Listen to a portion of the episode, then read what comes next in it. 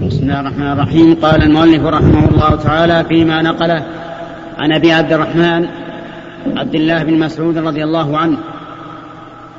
قال كأني أنظر إلى رسول الله صلى الله عليه وسلم وهو يحكي نبيا من الأنبياء.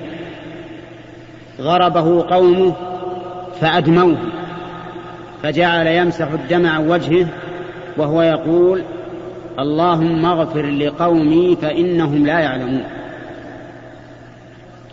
هذا الحديث يحكي النبي عليه الصلاة والسلام فيه شيئا مما جرى للأنبياء عليهم الصلاة والسلام. والأنبياء كلفهم الله تعالى بالرسالة لأنهم أهل لها. كما قال الله تعالى الله أعلم حيث يجعل رسالته. فهم أهل لها في التحمل والتبليغ والدعوة والأمر بالمعروف والنهي عن المنكر والصبر على ذلك. وكان الرسل عليهم الصلاة والسلام يؤذون يؤذون بالقول وبالفعل وربما بلغ الأمر إلى قتلهم. وقد بين الله ذلك في كتابه حيث قال لنبيه صلى الله عليه وسلم ولقد كذبت رسل من قبلك فصبروا على ما كذبوا وأوذوا حتى أتاهم نصرنا ولا مبدل لكلمات الله. ولقد جاءك من نبأ المرسلين. وإن كان كبر عليك إعراضهم فإن استطعت أن تبتغي نفقا في الأرض أو سلما في السماء فتأتيهم بآية. يعني إن استطعت ذلك فافعل. ولو شاء الله لجمعهم على الهدى. ولكن لحكمة اقتضت أن يكذبوك حتى يتبين الحق من الباطل بعد المصارعة والمجادلة. فلا تكونن من الجاهلين. حكى نبينا صلى الله عليه وسلم عن نبي من الأنبياء أن قومه ضربوه. ولم يضربوه إلا حيث كذبوه حتى أدموا وجهه. فجعل يمسح الدم عن وجهه ويقول اللهم اغفر لقومي فإنهم لا يعلمون. هذا غاية ما يكون من الصبر. لأن الإنسان لو ضرب على شيء من الدنيا لاستشاط غضبا وانتقم ممن, ممن ضربه. وهذا يدعو إلى الله ولا يتخذ على دعوته أجرا. ومع هذا يضربونه حتى يدموا وجهه. وهو يقول يمسح الدم عن وجهه ويقول اللهم اغفر لقومي فإنهم لا يعلمون. وهذا الذي حدثنا به رسول الله صلى الله عليه وسلم لم يحدثنا به عبثا أو لأجل أن يقطع الوقت علينا بالحديث وإنما حدثنا بذلك من أجل أن نتخذ أن نتخذ منه عبرة نسير عليها. كما قال سبحانه وتعالى لقد كان في قصصهم عبرة لأولي الألباب. العبرة من هذا أن نصبر على ما نؤذى به من قول أو فعل في سبيل الدعوة إلى الله. وأن نقول متمثلين هل أنت إلا إصبع دميت؟ وفي سبيل الله ما لقيت. وأن نصبر على ما يصيبنا مما نسمعه أو ينقل إلينا مما يقال فينا بسبب الدعوة إلى الله. وأن نرى أن هذا رفعة لدرجاتنا وتكفير لسيئاتنا فعسى أن يكون في دعوتنا خلل من نقص في الإخلاص أو من كيفية الدعوة وطريقها فيكون هذا الأذى الذي نسمع يكون كفارة لما وقع منا لأن الإنسان مهما عمل فهو ناقص لا يمكن أن يكمل عمله أبدا إلا أن يشاء الله. فإذا أصيب وأوذي في سبيل الدعوة إلى الله فإن هذا من باب تكميل دعوته ورفعة درجته. فليصبر وليحتسب ولا ينكص على عقبيه. لا يقول من الملزوم أنا أصابني الأذى أنا أوذيت أنا تعبت. يصبر. الدنيا ليست طويلة. أيام ثم تزول فاصبر حتى يأتي الله بأمره. وفي قول عبد الله بن مسعود رضي الله عنه كأني أنظر إلى النبي صلى الله عليه وسلم وهو يحكي لنا. فيه دليل على أن المحدث أو المخبر يخبر بما يؤيد ضبطه للخبر والحديث وهذا أمر شائع عند الناس. يقول كأني أنظر إلى فلان وهو يقول لنا كذا وكذا. يعني أني قد ضبطت القصة كأني أنظر إليه الآن وكأني أسمع كلامه الآن. فإذا استعمل الإنسان مثل هذا الأسلوب لتثبيت ما يحدث به فله في ذلك أسوة من السلف الصالح رضي الله عنه. والله موفق. نقل المؤلف رحمه الله تعالى عن أبي سعيد وأبي هريرة رضي الله عنهما عن النبي صلى الله عليه وسلم قال ما يصيب المسلم من نصب ولا وصب ولا هم ولا حزن ولا أذى ولا غم حتى الشوكة يشاكها. إلا حتى الشوكة يشاكها. إلا كفر الله بها من خطاياه. متفق عليه. وعن ابن مسعود رضي الله عنه قال دخلت على النبي صلى الله عليه وسلم وهو يوعك. فقلت يا رسول الله إنك توعك وعكا شديدا. قال أجل إني أوعك كما يوعك رجلان منكم. قلت ذلك أن لك أجرين. قال أجل ذلك كذلك. ما من, ما من مسلم يصيبه أذى. شوكة فما فوقها. إلا كفر الله بها سيئاته وحطت عنه ذنوبه. كما تحط الشجرة كما تحط الشجرة ورقها متفق عليه. الرحيم. هذه هذان الحديثان. حديث أبي هريرة وأبي سعيد وحديث عبد الله بن مسعود رضي الله عنهم أجمعين.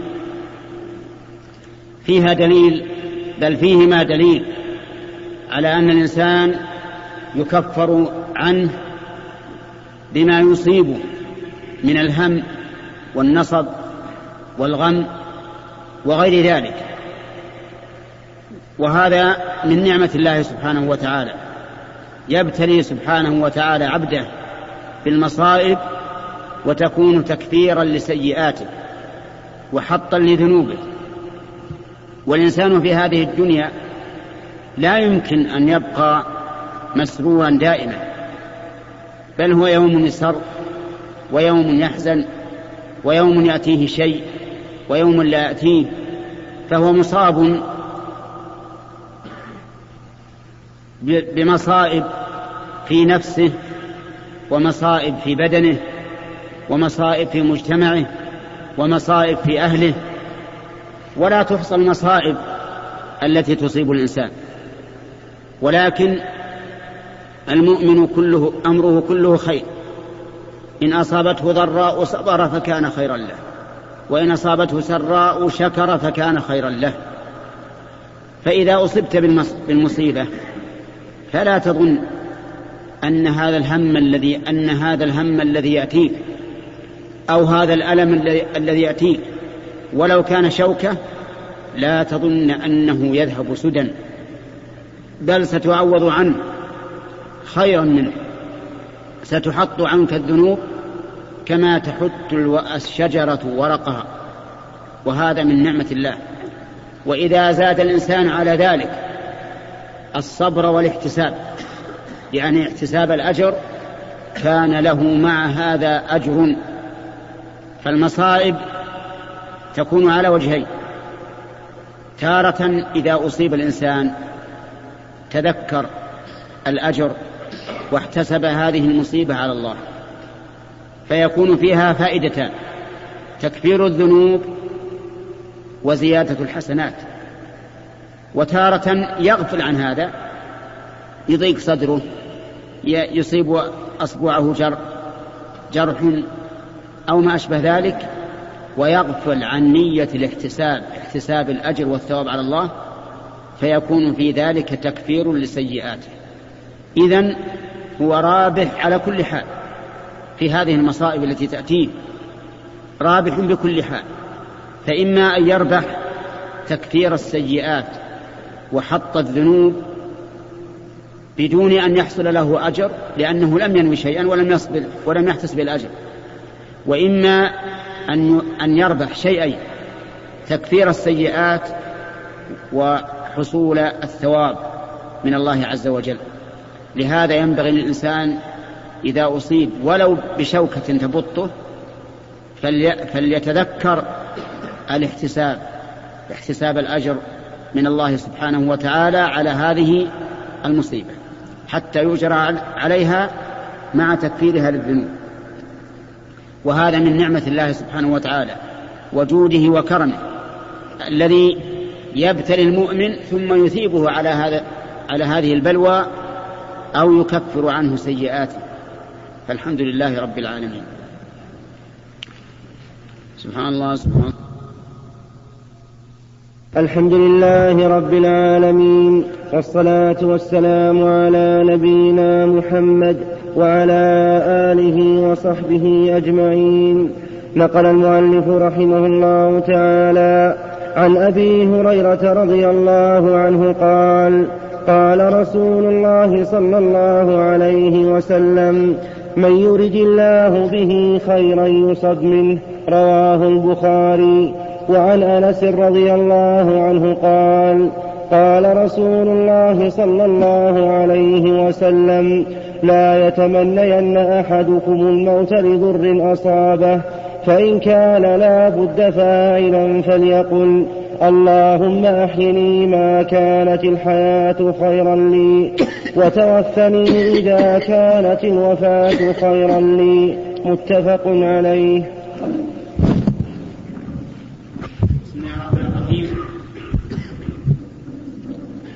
نقل المؤلف رحمه الله في باب الصبر والثواب عليه. حديثين أحدهما عن أبي هريرة والثاني عن أنس بن مالك رضي الله عنه في ثواب الصبر والاحتساب وأن الإنسان ينبغي له بل يجب عليه أن يصبر ويتحمل. أما حديث أبي هريرة فإن النبي صلى الله عليه وسلم قال من يرد الله به خيرا يصب منه. وقرأت هذه الكلمة بوجهين يصب منه أو يصب منه وكلاهما صحيح. أما يصب منه فالمعنى أن الله تعالى يقدر عليه المصائب حتى يبتليه بها أيصبر أم يضجر؟ وأما يصب منه فهي أعم يعني يصاب من الله ومن غيره.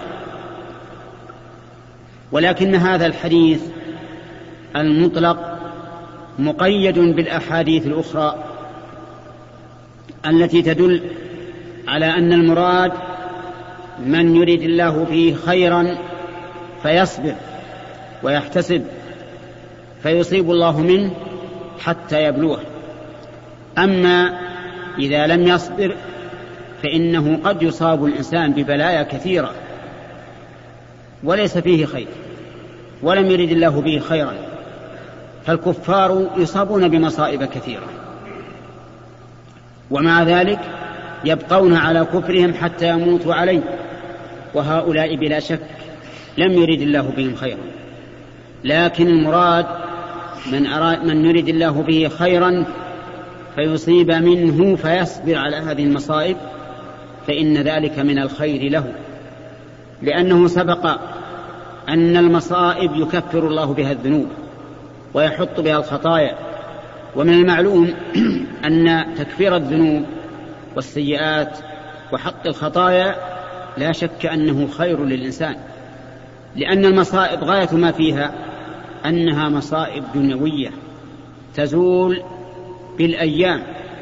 كلما مضت الأيام خفت عليك المصيبة لكن عذاب الآخرة باقي والعياذ بالله.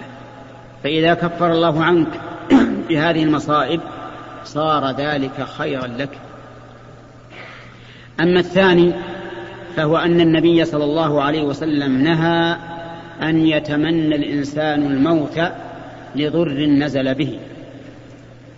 وذلك أن الإنسان ربما ينزل به ضر يعجز عن التحمل ويتعب فيتمنى الموت. يقول يا رب أمتني. سواء قال ذلك بلسانه أو بقلبه. فنهى النبي صلى الله عليه وسلم عن ذلك. قال لا يتمنين أحدكم الموت لضر نزل به فقد يكون هذا خيرا له. ولكن إذا أصبت بضر فقل اللهم أعني على الصبر عليه. حتى يعينك الله فتصبر ويكون ذلك لك خيرا. أما أن تتمنى الموت فأنت لا تدري ربما يكون الموت شرا شرا عليك. لا يحصل به راحة. ليس كل موت راحة. كما قال الشاعر ليس من مات فاستراح بميت. الإنسان يموت ربما يموت فيموت إلى عقوبة والعياذ بالله وإلى عذاب قبر. وإذا بقي في الدنيا فربما يستعتب ويتوب ويرجع إلى الله فيكون خيرا له. المهم أنه إذا نزل بك ضر فلا تتمنى الموت. وإذا كان النبي عليه الصلاة والسلام نهى أن يتمنى الإنسان الموت للضر, للضر الذي نزل به فكيف بمن يقتل نفسه إذا نزل به الضر كما يوجد من بعض الحمقى الذين إذا نزلت بهم المضايق خنقوا أنفسهم أو نحروها أو أكلوا سما أو ما أشبه ذلك. فإن هؤلاء ارتحلوا من عذاب إلى أشد منه. لم يستريحوا لكن انتقلوا من عذاب إلى أشد.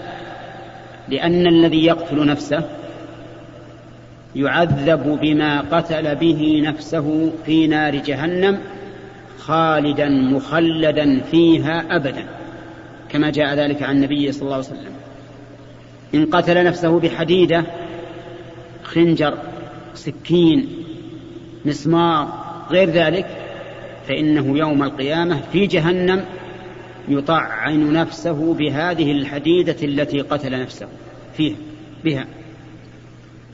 إن قتل نفسه بسم فإنه يتحساه في نار جهنم. إن قتل نفسه بالتغدي من جبل فإنه ينصب له جبل في جهنم يتدحدر منه أبد الآبدين. وهلم جرا. فأقول إذا كان النبي عليه الصلاة والسلام نهى أن يتمنى الإنسان الموت للضر الذي نزل به فإن أعظم من ذلك أن يقتل الإنسان نفسه ويبادر الله بنفسه نسأل الله العافية. ولكن الرسول عليه الصلاة والسلام لما نهى عن شيء كان من عادته إذا كان له بديل من المباح أن يذكر بديله من المباح اقتداء بالرب عز وجل. قال الله تعالى يا أيها الذين آمنوا لا تقولوا راعنا وقولوا انظرنا. لما نهى الله عن هذه الكلمة راعنا بين لنا الكلمة المباحة قال وقولوا انظرنا. ولما جيء للنبي عليه الصلاة والسلام بتمر جيد استنكره وقال ما هذا؟ أكل خيبر تمره هكذا؟ قالوا لا لكن نشى الصاع من هذا بالصاعين والصاعين بالثلاثة. قال لا تفعل. لكن بع التمر يعني الرديء بالدراهم واشتري بالدراهم جنيبا يعني تمرا طيبا. فلما منعه بين له الوجه المباح. هنا قال لا يتمنين أحدكم الموت لضر نزل به فإن كان لا بد فاعلا فليقل اللهم أحيني ما علمت الحياة خيرا لي وتوفني إذا علمت الوفاة خيرا. لي فتح لك الباب. لكنه باب سليم لأن تمني الموت يدل على ضجر الإنسان وعدم صبره على قضاء الله لكن هذا الدعاء اللهم أحيني ما كانت الحياة خيرا لي وتوفني إذا علمت الوفاة خيرا لي. هذا دعاء وكل الإنسان فيه أمره إلى الله. لأنك لأن الإنسان لا يعلم الغيب فيكل الأمر إلى عالمه عز وجل. أحيني ما علمت الحياة خيرا لي وتوفني إذا علمت الوفاة خيرا لي.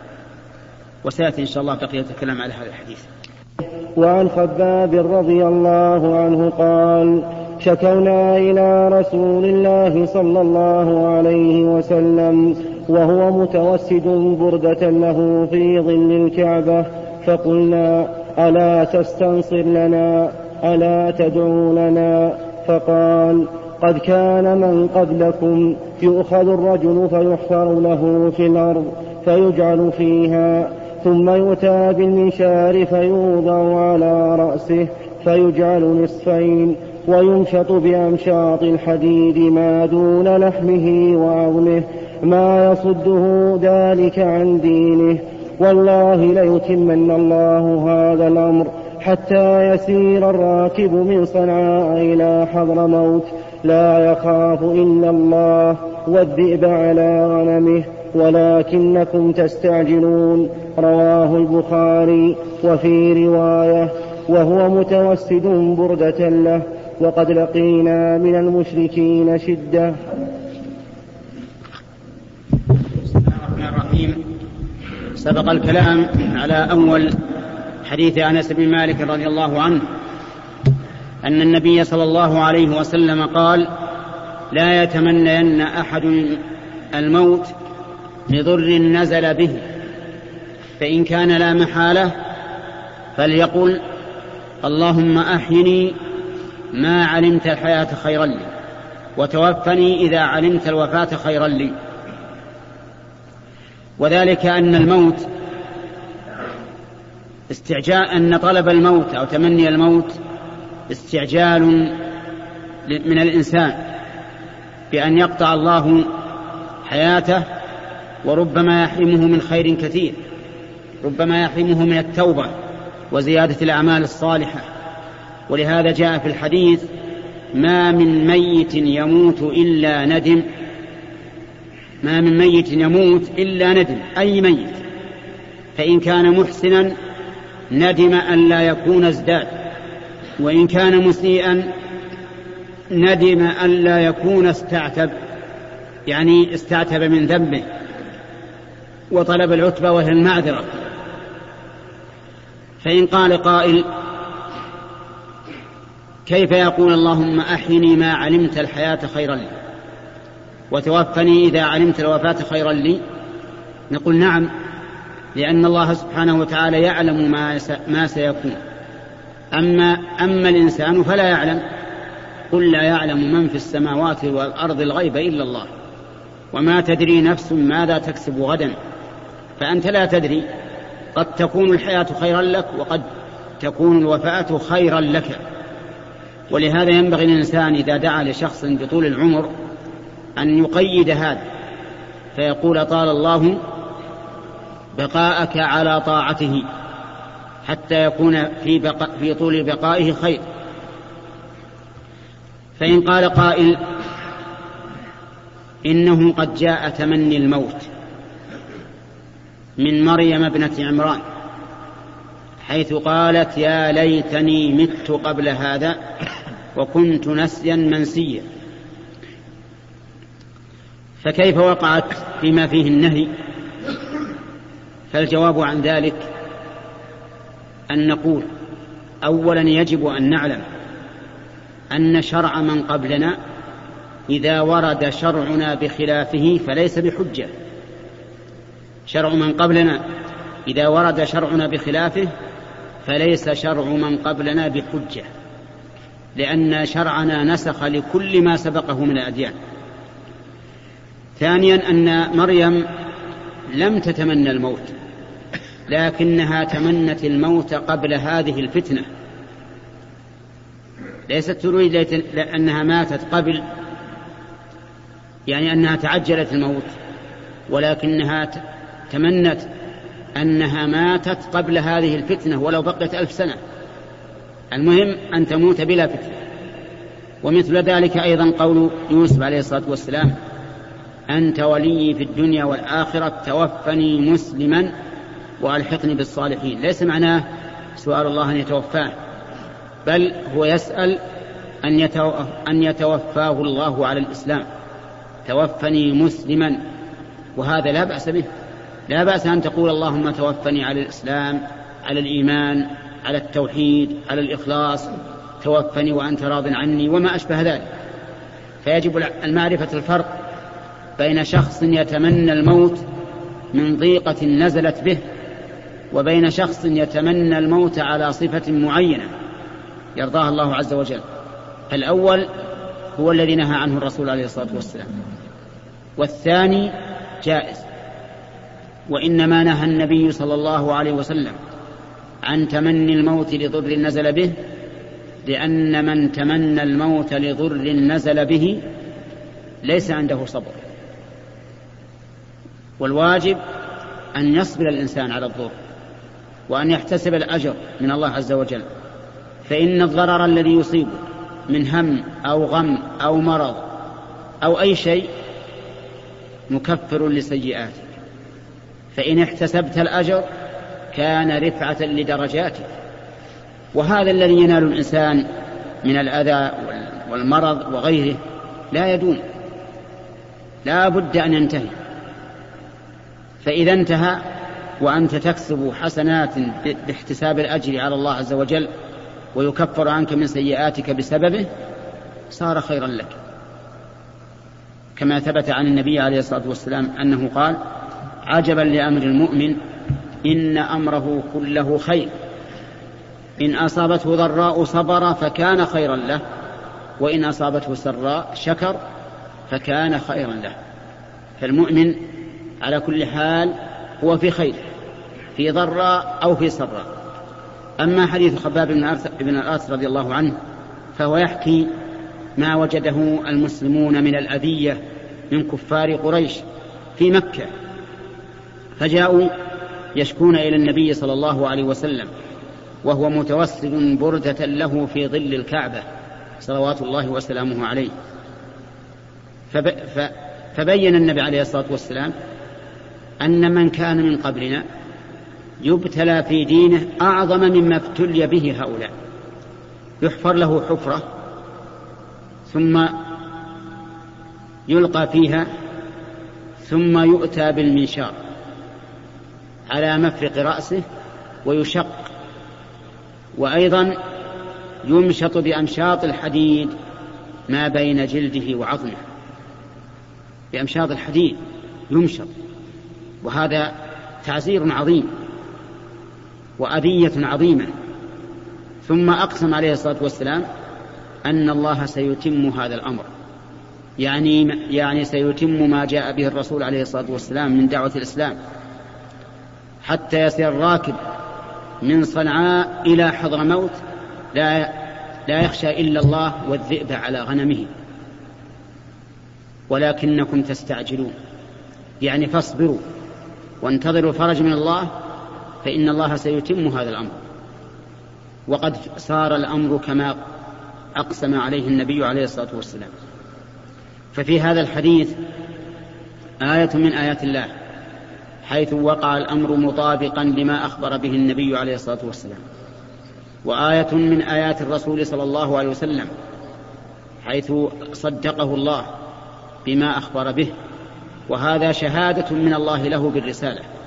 كما قال تعالى لكن الله يشهد بما أنزل إليك أنزله بعلمه والملائكة يشهدون وكفى بالله شهيدا.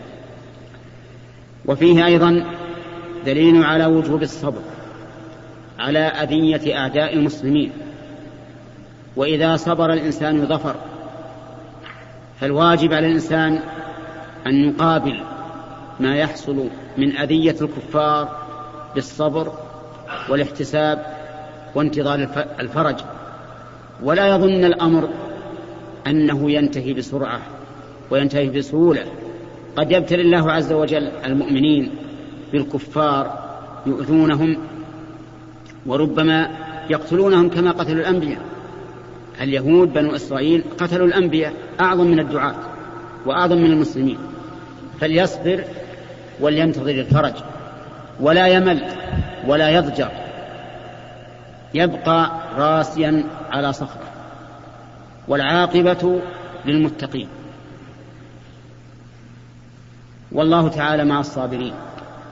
فإذا صبر وثابر وسلك الطرق التي توصل إلى المقصود بدون فوضى وبدون استنفار وبدون إثارة ولكن بطريق منظمة لأن أعداء المسلمين من المنافقين والكفار يمشون على خطى ثابتة منظمة ويحصلون مقصودهم. أما السطحيون الذين تأخذهم العواطف حتى يثوروا ويستنفروا فإنه قد يفوتهم شيء كثير. وربما حصل منهم زلة تفسد كل ما بنوا إن كانوا قد بنوا شيئا. لكن كون المؤمن يصبر ويتئد ويعمل بتؤدة ويوطن نفسه ويخطط تخطيطا منظما يقضي به على أعداء الله من المنافقين والكافرين ويفوت عليهم الفرص لأنهم يتربصون الدوائر بأهل الخير يريدون أن يثيروهم حتى إذا حصل من بعضهم ما يحصل حينئذ استعلوا عليهم.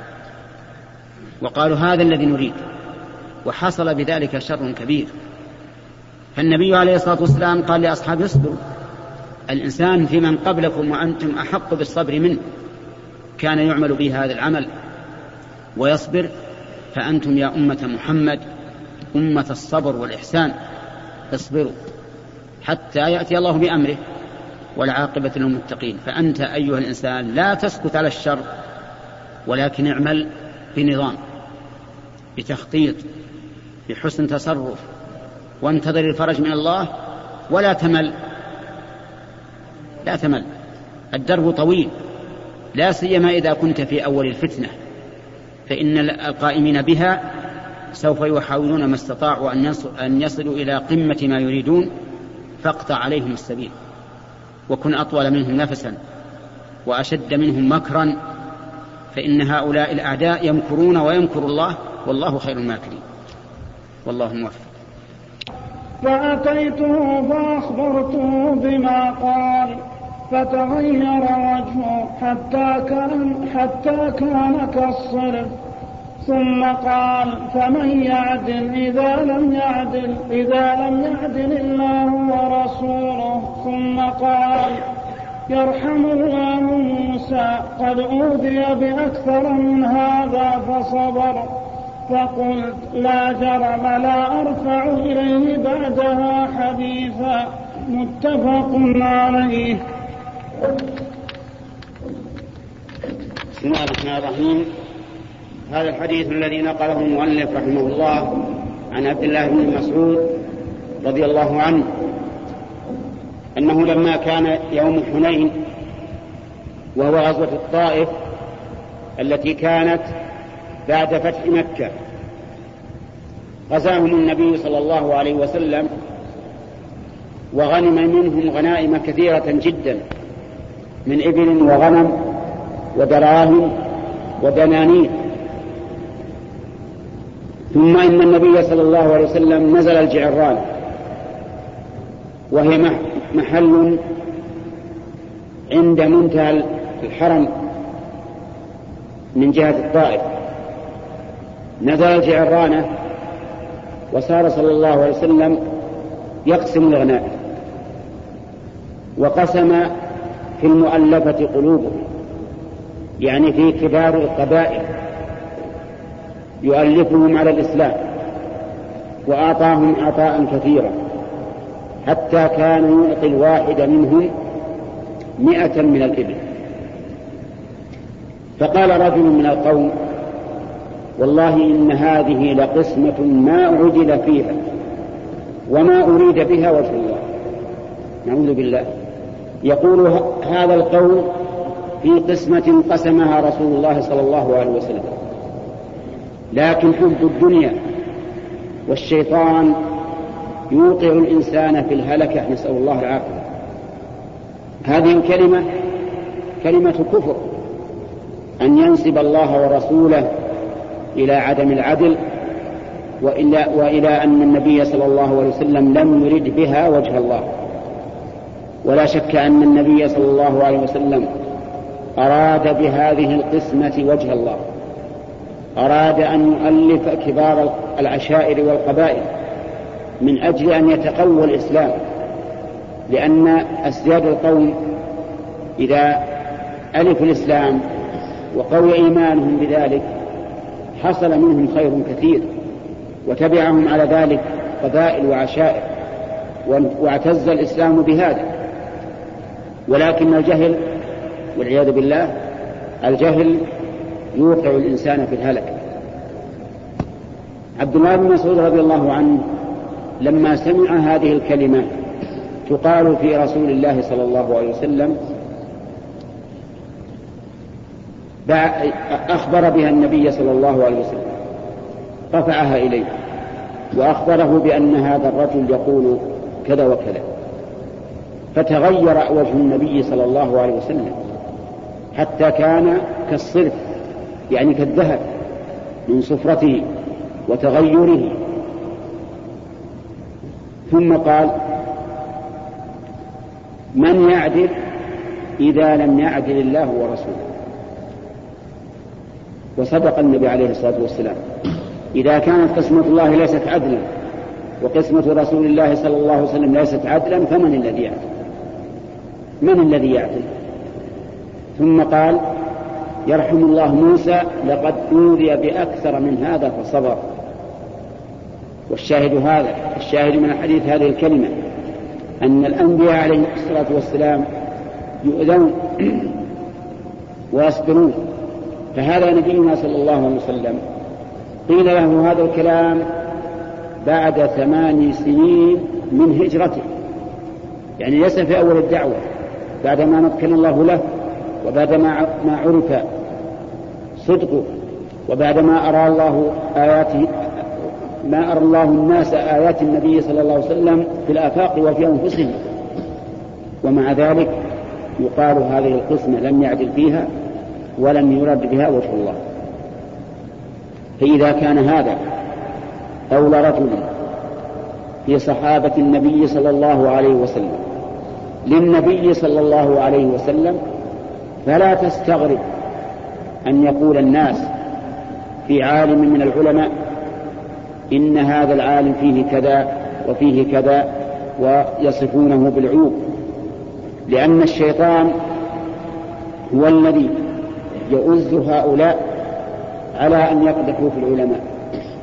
لأنهم إذا قدحوا في العلماء وسقطت أقوالهم عند الناس ما بقي للناس أحد يقودهم بكتاب الله. من يقودهم بكتاب الله؟ إذا لم يثقوا بالعلماء وأقوالهم فمن يقودهم بكتاب الله؟ تقودهم الشياطين وحزب الشيطان.